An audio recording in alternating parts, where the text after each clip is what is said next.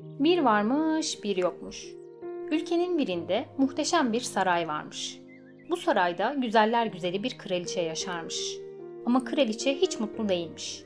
Tek isteği kırmızı dudaklı, yuvarlak yüzlü, tombul yanaklı, şirin mi şirin bir kız çocuğunun olmasıymış. Bir gün kraliçe yırtılan elbisesine dikerken eline iğne batmış ve bir kan damlamış. Bu sırada da bir dilek tutmuş. Dileği gerçek olmuş. Bir kız çocuğu getirmiş dünyaya.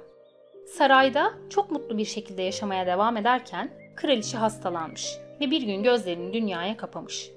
Kral başka bir kadınla evlenmiş. Bu kadın güzelmiş ama çok kötü kafada bir kadınmış. Sihirli aynasının karşısına geçip ayna ayna söyle bana var mı benden güzeli bu dünyada dermiş. Ayna da hayır efendim en güzeli sizsiniz dermiş. Kadın bu sözler karşısında çok mutlu olmuş.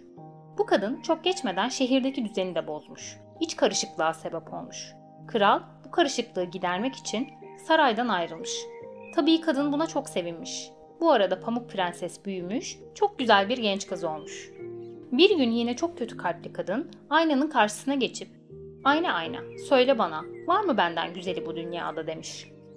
Ayna, var efendim, Pamuk Prenses sizden daha güzel demiş. Kötü kalpli kadın bu duruma çok bozulmuş. Aklına bir fikir gelmiş. En güvendiği adamının yanına çağırmış. Bana Pamuk Prenses'in kalbini getireceksin demiş. Pamuk Prenses ormanda yürürken bir kuşun yere düştüğünü görmüş. Hemen yaralı kuşu eline alıp iyileştirmeye çalışan, arkasında da onu koruyan kişi elinde bıçakla onu öldürmeye hazırlanmış.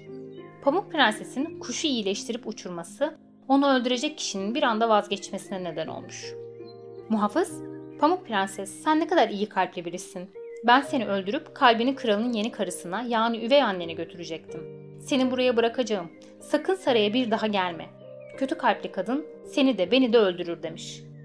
Pamuk Prenses ormanda ağacın dibine oturmuş ve ağlamış. O sırada uyuyakalmış. Sabah olduğunda etrafında kuşlar varmış. Kuşları takip ederek küçük bir eve varmışlar. Pamuk Prenses bu ne kadar kirli bir ev demiş ve evi temizlemeye başlamış. Bu evdeki eşyalar, yataklar niye bu kadar küçük diye düşünmeden edememiş. Karnı çok acıkmış. Küçük malzemelerle bir çorba yapmış ve yemiş. Daha sonra uykusu gelmiş.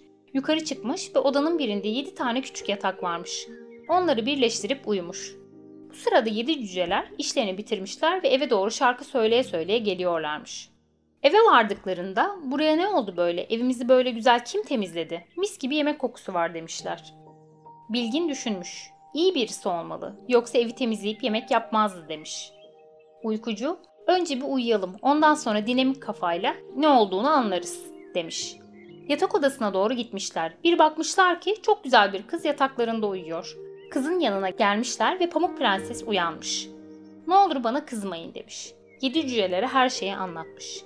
Yedi cüceler onu çok sevmiş, sonra yedi cüceler de kendilerini tanıtmış. Uykucu, bilgin, sakar, çekingen, doktor, mutluluk ve meraklı.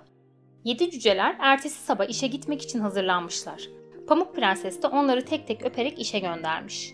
Bilgin, Pamuk Prensesi kapıyı kimseye açmaması konusunda tembihlemiş. Yine bir gün kadın aynanın karşısına geçip ''Ayna ayna, söyle bana, var mı benden daha güzeli bu dünyada?'' ''Var efendim, yedi cücelerin evinde yaşayan Pamuk Prenses sizden daha güzel.'' demiş. Kadın çok sinirlenmiş ve adamın ona ihanet ettiğini anlamış. ''Bu işi ben halledeceğim.'' demiş.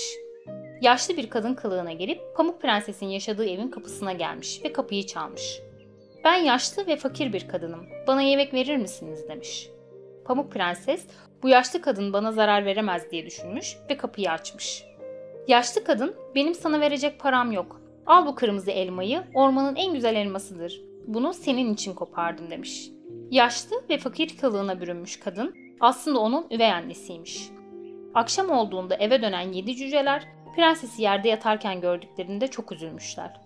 Prensesin yanında ısırılmış elmayı gören Bilgin bunun zehirli bir elma olduğunu anlamış. Prensesi cam bir fanusun içine koyup yüksek bir yere çıkarmışlar.